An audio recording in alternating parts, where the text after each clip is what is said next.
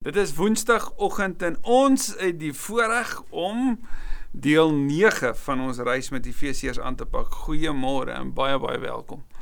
Vir elke van julle, vir die van julle vir wie dit al middag is of dalk nog in die nag is, in elk geval, baie baie welkom en dankbaar dat jy tyd maak om saam met ons te reis. Vir almal wat nuut is en ek is so bly daar's jonk en oud wat deel word ook van ons verspreidingslys en deel is van hierdie reis. Ek bid sodat dit wat ons ontdek en wat die Here vir ons ontsluit, dat dit so vir jou en jou reis met die Here ook van waarde sal wees en en dat jy dit wat jy leer weer sal aangee vanuit jou eie storie en jou lewe. Dit is so lekker dat ons die voorreg het om stadig te stap met die woord en dat die woord ook in ons al hoe meer nuwe ontdekkings maak. En het jy al gesien hoe dit wat jy hier ontdek as jy die lyne trek na die res van die Bybel toe, dat dit so dieselfde storie vertel. En so bou die Here die blokkies van die waarheid van die evangelie in die diepte en die wyte en die grootte en die rykdom daarvan in ons elkeen se lewe. Want dit is regtig so goed, nê? Nee? Dit is regtig so mooi. So mag die Here ook vandag op hierdie dag en hierdie oomblik met jou en my ook aan die woord wees. Mag hy met ons praat. Daai jy verlede week het Paulus vir ons kom sê maar omdat ons deel is van een kerk met een Here, met een doop, met een geloof, met een God en Vader, met een Gees en met een Jesus Christus in ons lewe. Omdat dit alles is wie ons is is daar 'n nuwe lewe wat sigbaar moet wees in ons lewe. Dat dit regtig so is dat die wonder van die redding wat in ons lewe geplaas gevind het dat ons nuwe mense is en nuwe skepping is, hoofstuk 2 vers 10 sy poema is, dat dit moet neerslag vind in hoe ons leef. En dan is daar hierdie klomp moenies, maar hy los ons nie by die moenies nie, hy draai ons na die moeds toe. En dis nie mooi soos uh Josh McDowell op 'n stadium gesê het for every negative God's got two positives one is to protect you and the other one's to provide for you. En en Paulus doen iets daarvan om nie net te sê stop dit nie maar vul julle lewe met 'n nuwe manier. En hy gaan vandag aan so in die begin van hoofstuk 5 met hoe lyk hierdie nuwe lewe en hoe speel dit uit? Wat baie belangrik is met ander woorde is dat Paulus vir ons kom sê dat ons moet al hoe meer word wat ons reeds is. Ek dink so aan aan Annie in daai blyspel. Ek wil sy het van 'n van 'n 'n kind in 'n kinderhuis beweeg na 'n kind in 'n totale nuwe huis en toe moes sy leer om te leef wie sy reeds was. Haar identiteit het onmiddellik verander. En sy moes leer dat sy toegang gehad het tot tot nuwe dinge, dat daar nuwe spraak, nuwe optrede, ja, nuwe klere drag, alles daarmee saamkom. 'n Ander manier om daarna te dink is om te dink aan aan om te trou. Want sien wanneer jy trou, as jy klaar getroud, daai dag wat dit gebeur, voordat die afgelope naweek weer gebeur het, volledig klaar getroud. En dan? Want dan moet jy word wat jy reeds is, naamlik die man van jou vrou, die vrou van jou man. En so verander ons lewens al hoe meer na mekaar toe. En ons word al hoe meer wie ons reeds is. Paulus kom sê, julle is nuwe mense en by nuwe mense pas 'n nuwe lewe En vandag gaan hy ons weer daarvoor en daarmee uitdaag. So maak jou sitplek gordel vas. Kom ons bid dat die Here ook hiermee met ons elkeen sal werk. Dankie Here Jesus vir u woord. Dankie vir hierdie kosbare brief aan hierdie dierbare gemeente, hierdie geliefdes, nie net in Efese nie, maar ook aan die gelowiges vandag reg oor die wêreld.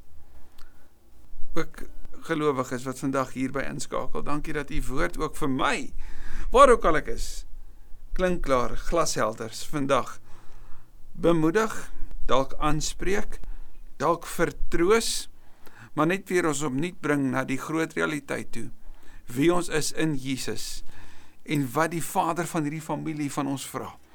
Asseblief, o Gees van God, kom praat met ons. Ons bid dit in Jesus se naam. Amen. Amen. Efesiërs 5 vers 1. En hoor mooi, Paulus skep die basis vir die waarom. Hy sê omdat julle kinders van God is en hy julle liefhet, moet julle sy voorbeeld volg. Omdat julle 'n vader het, 'n pater familias. Nou in die wêreld van die Bybel was die vader die een aan wie die eer toegekom het. Kinders sou in die openbaar alles gedoen het wat moontlik is om die eer van die vader in die samelewing of te handhaaf of te styg.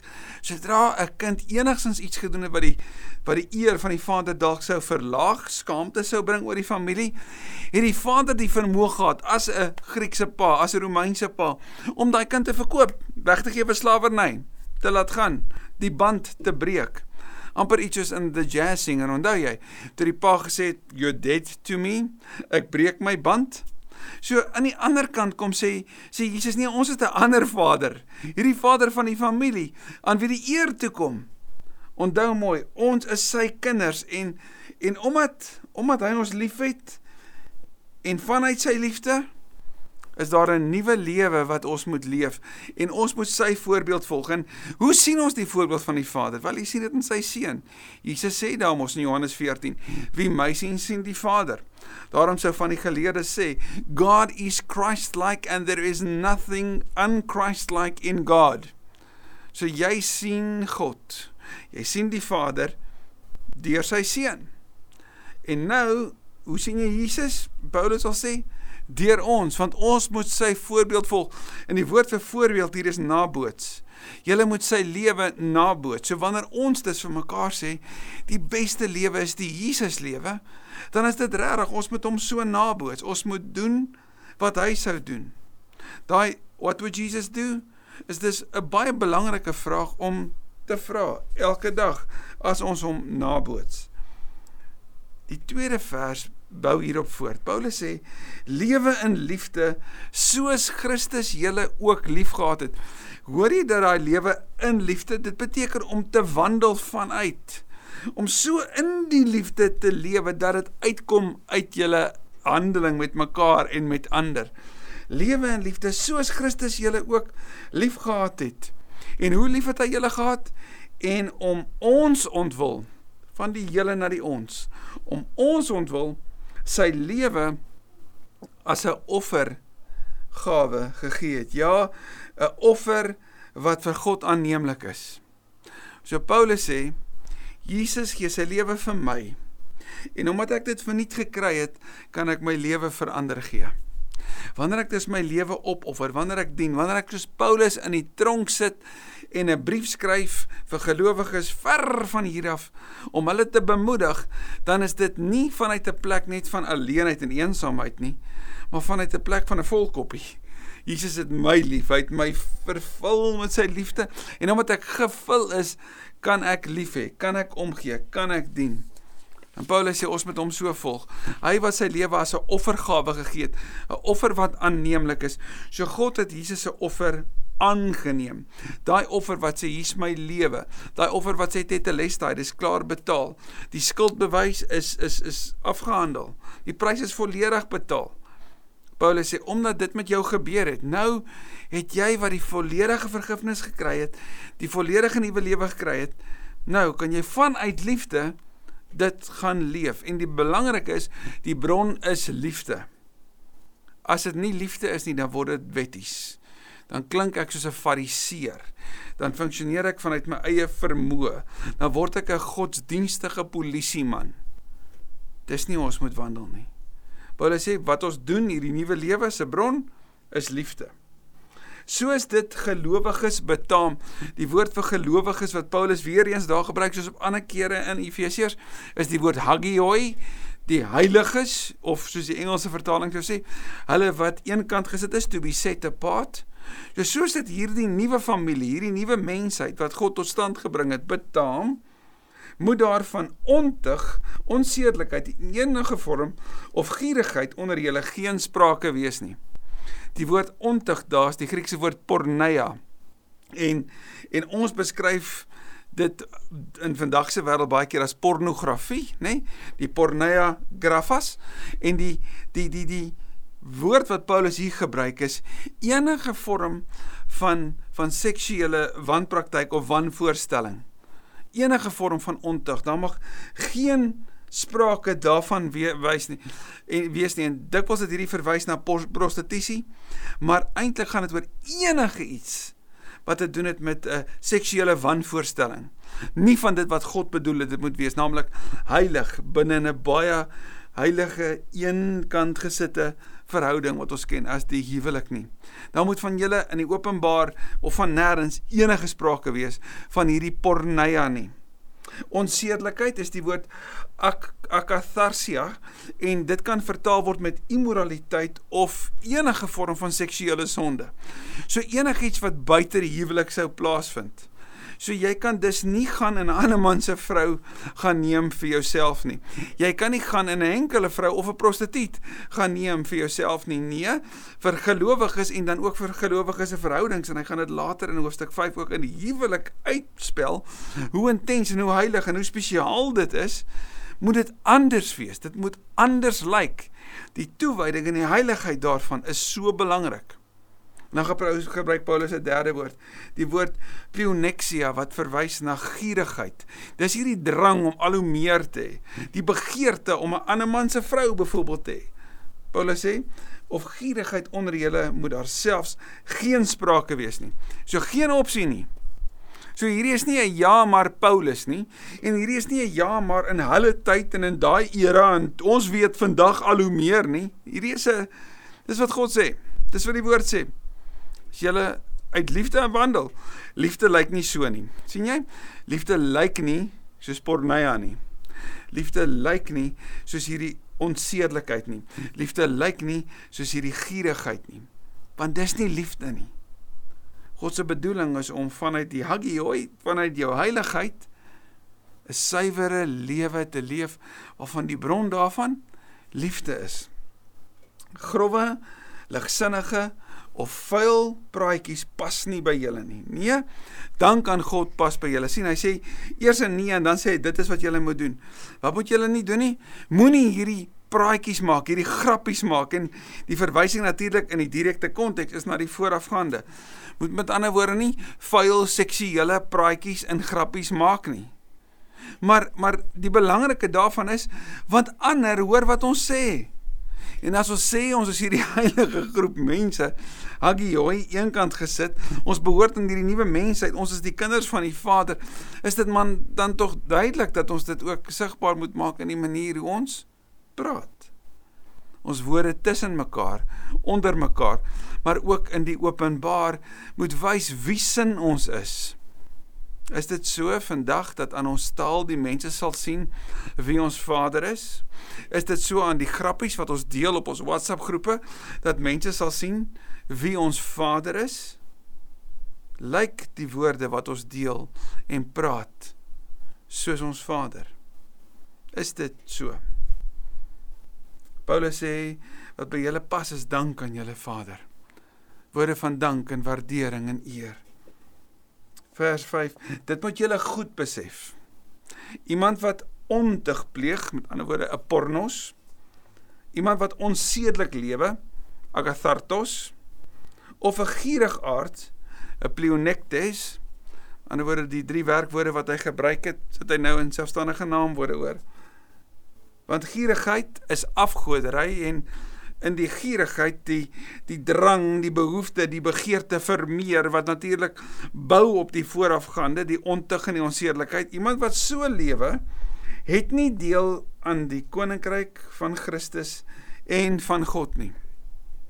Wat Paulus sê is, as jy deel word van God se familie, lyk God se mense anders. Jy kan dus nie 'n burger van die koninkryk wees en 'n lewe leef saam met die van die lede en die burgers van die duister nie. Jy kan nie loyaliteit aan die koning sweer en dan die lewe leef tussen die vyande nie. Want dan sê jy mos aan wie jou hart behoort. 'n Goeie vriend van my sê jy kan sê wat jy wil, maar jy doen wat jy glo. En as ons aan ons dade geken word, sal mense kan sê dat ons kinders van die Here is of sal mense kan sê, "Wee, jy moet 'n duikboot Christen wees want ek weet niks van Jesus van dit wat jy doen en wat jy sê nie." Want jy kuier saam met ons en jy kyk saam met ons en jy deel saam met ons. Jy pas so in, niemand kan die verskil sien nie. Casting Crowns het bietjie daaroor geskryf as jy en en, en gesing.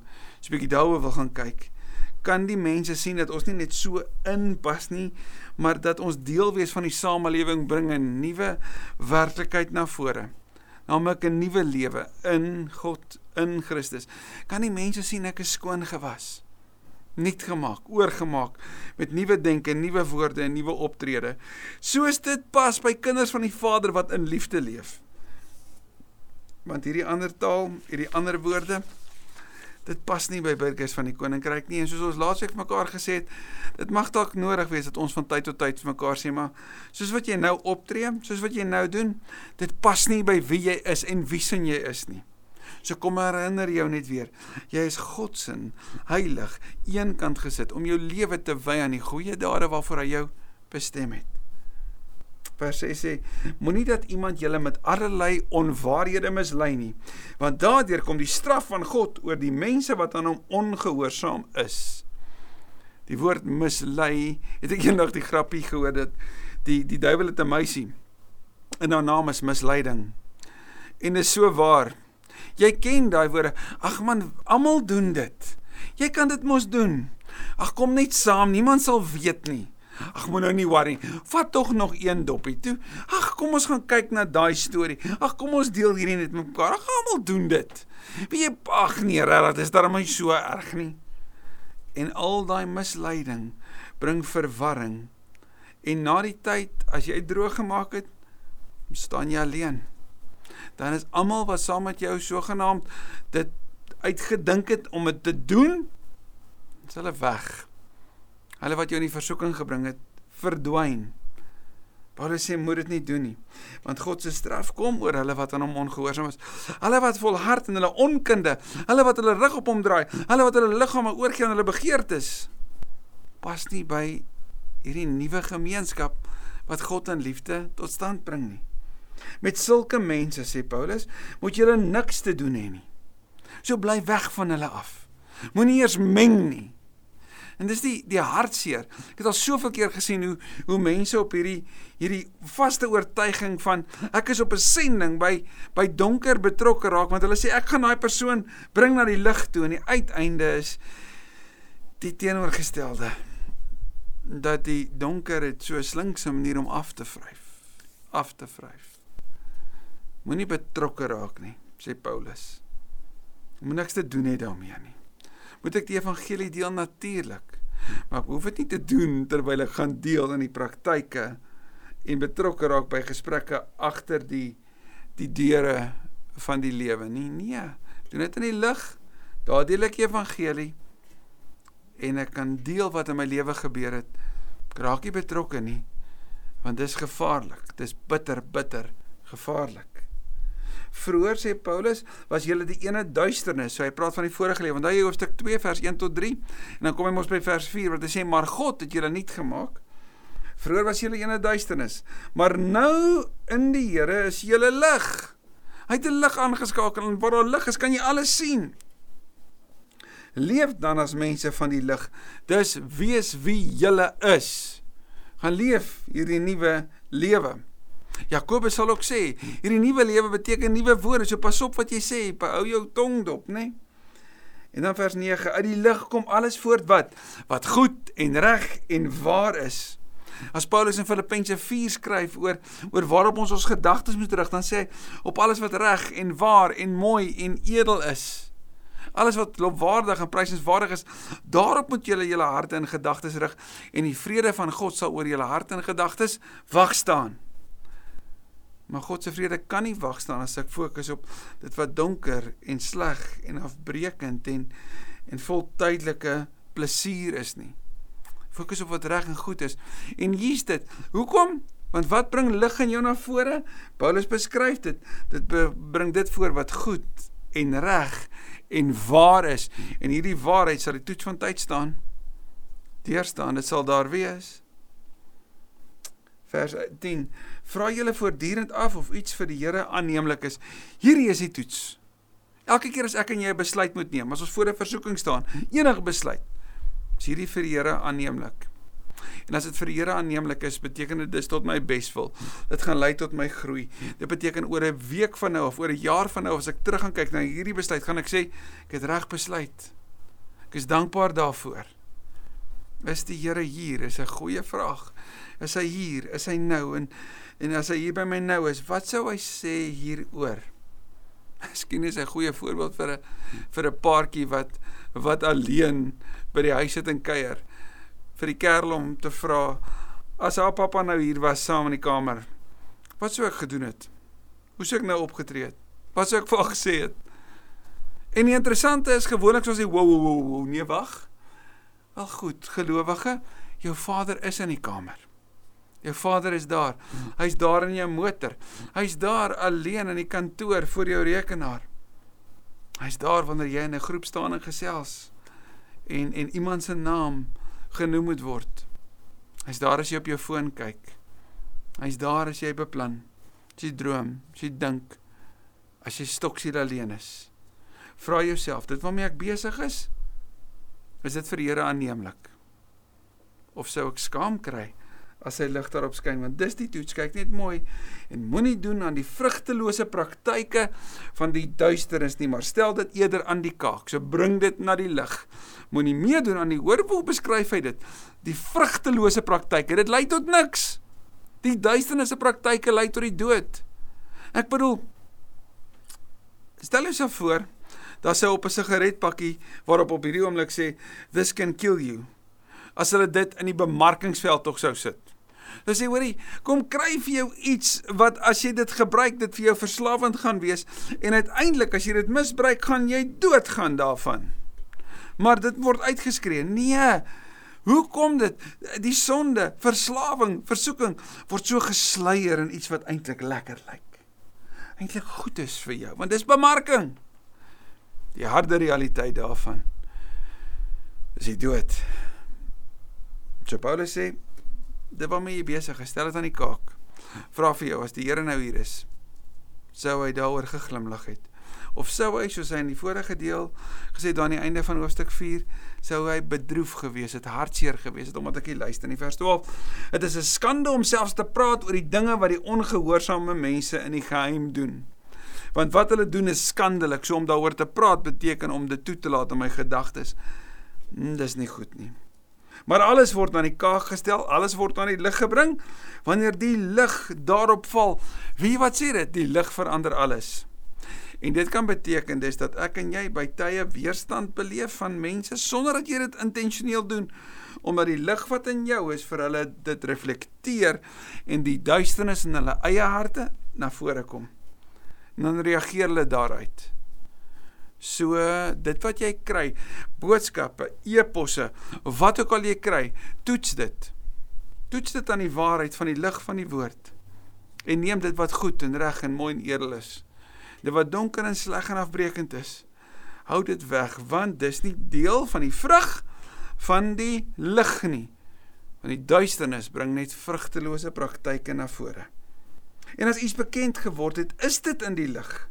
Daarom sê die lied: Word wakker jy wat slaap en staan op uit die dood en Christus sal jou lewe verlig. Wat 'n mooi lied om te sing. Ek het geslaap en ek is van die slaap af opgebring. Ek is wakker gemaak en ek is van die dood af na die lewe toe gebring in Christus. Hy het my nuut gemaak. Daarom moet ek wakker en nugter wees. So onthou en dan het ons nodig om 'n bietjie dit vir mekaar ook te sê, nê. Nee. Word wakker. Skrik wakker. Besef waarmee jy besig is. Want waarmee jy besig is, is besig om jou te vorm na dit waartoe jy op pad is. Wees baie versigtig hoe jy lewe. Nie soos verstandig, soos onverstandige mense nie, maar soos verstandiges. Paulus sê jy het wysheid nodig. Maak die beste gebruik van elke geleentheid, want ons lewe in 'n goddelose tyd. So koop die tyd uit sê Kolossense 4 vers 5. Maak die so die beste gebruik van die geleentheid dat jy die evangelie kan verkondig, dat jy dit kan deel met ander. In hierdie goddelose tyd, gebruik hierdie geleentheid om te wys wie Jesus is. Gebruik hierdie geleentheid om nuut te leef. En daarom sal Paulus in vers 17 in hierdie goddelose tyd moenie onverstandig optree nie, maar probeer te weet te kom wat die Here wil hê dat jy moet doen. Nou is die vraag natuurlik, wag nou gou, hoe werk hierdie? Wel, kom ons kyk net mooi. Wat moet ons nou doen? Hy sê in vers die vorige vers, maak die beste gebruik van elke geleentheid. Nou waarop bou hierdie? Wel, vanaf vers 10 nog die hele tyd. Julle is sy skepingswerk. Julle is nuut gemaak. So, hoe moet ek nou in hierdie situasie die nuwe lewe leef? En daarom moet ek as ek sê probeer te weet te kom, beteken dit ek en jy is vennote. Ons is nie robotte in die Heilige Gees sê praat nou so doen nou dit. Nee. Soms is dit maar 'n bietjie van 'n worsteling. Soms won moet jy bietjie wonder, moet jy bietjie dink, moet jy bietjie werk. Die belangrike is om te weet wat te kom. Soos Paulus hulle daar in Handelinge 15 sou sê, ons in die Heilige Gees het besluit. Hulle het nog al die werk gedoen. So kom ons vra die Here, wat moet ons nou in hierdie situasie doen? Want dit is 'n goddelose tyd. Dis 'n donker tyd. Hoe leef ek lig hierin? En wysheid sal soms sê nou praat ek. En ander kere nou bly ek stil. So om die verskil te ken, is om te weet wat om te doen. Want ek leef in liefde. Ek leef om 'n verskil te maak. So Here, vanuit liefde, wat kan ek doen om ook lig in hierdie situasie te bring?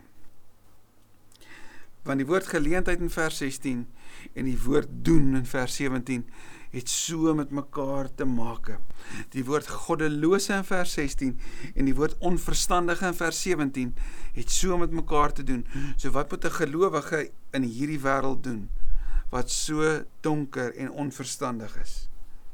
Vers 18 moet julle nie aan drank te buite gaan nie. daarmee gaan losbandigheid gepaard. Nee, laat die Gees julle vervul.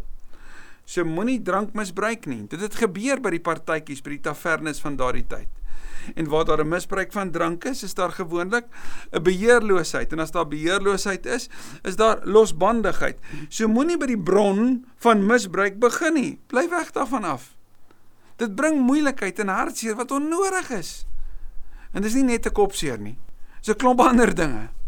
Nee, sê Paulus, wat is die teendeel daarvan? Dat die Gees julle vervul. As die Gees jou vul, jy gaan dit sien in Galasiërs 5 vers 19 tot 22, is die vrug wat na vore kom so anders as die vrug van die misbruik van drank byvoorbeeld in hierdie situasie. Nee, laat die Gees julle vervul. En hoe moet julle dan leef?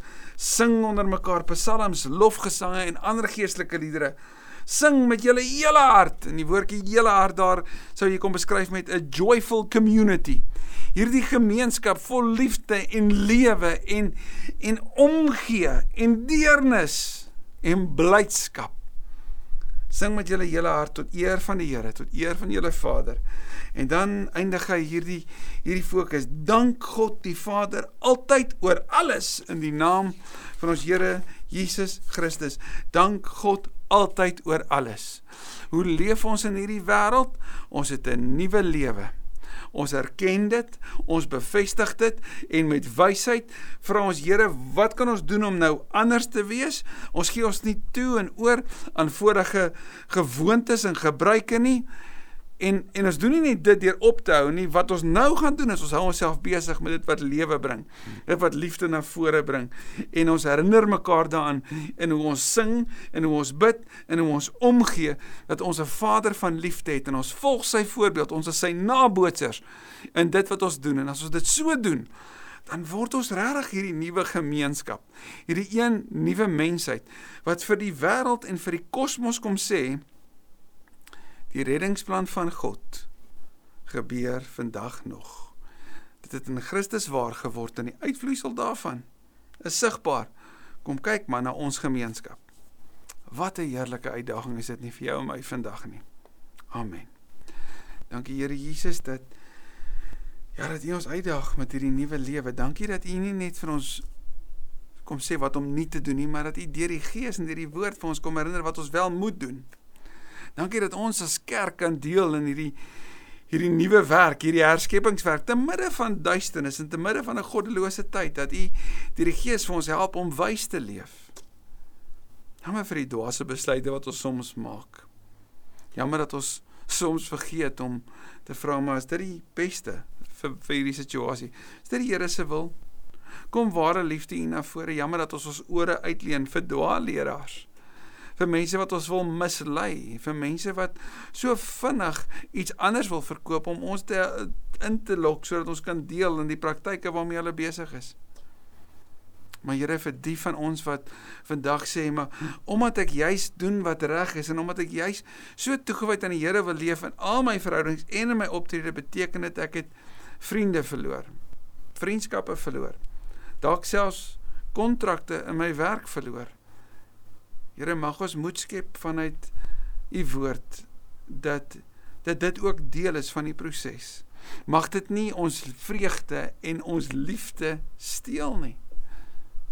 Wil jy asseblief ons kom vertroos as daar die van ons is wat op daai plek is. Maar vir die van ons wat vandag net moet sê Here, ek is jammer. Kom was ons asseblief skoon en maak ons rein volledig rein en help ons om te gaan leef wat ons reeds is. Toegewyde kinders van die Heilige Vader, die Vader van liefde wat ons stuur om hierdie liefde met die wêreld te deel. Ons bid dit in Jesus se naam. Amen. En amen. Ek hoop jy het 'n mooi week en onthou asseblief as jy gebed nodig het, stuur net 'n e-pos. Ons reageer graag en ons bid saam. Pas jou op.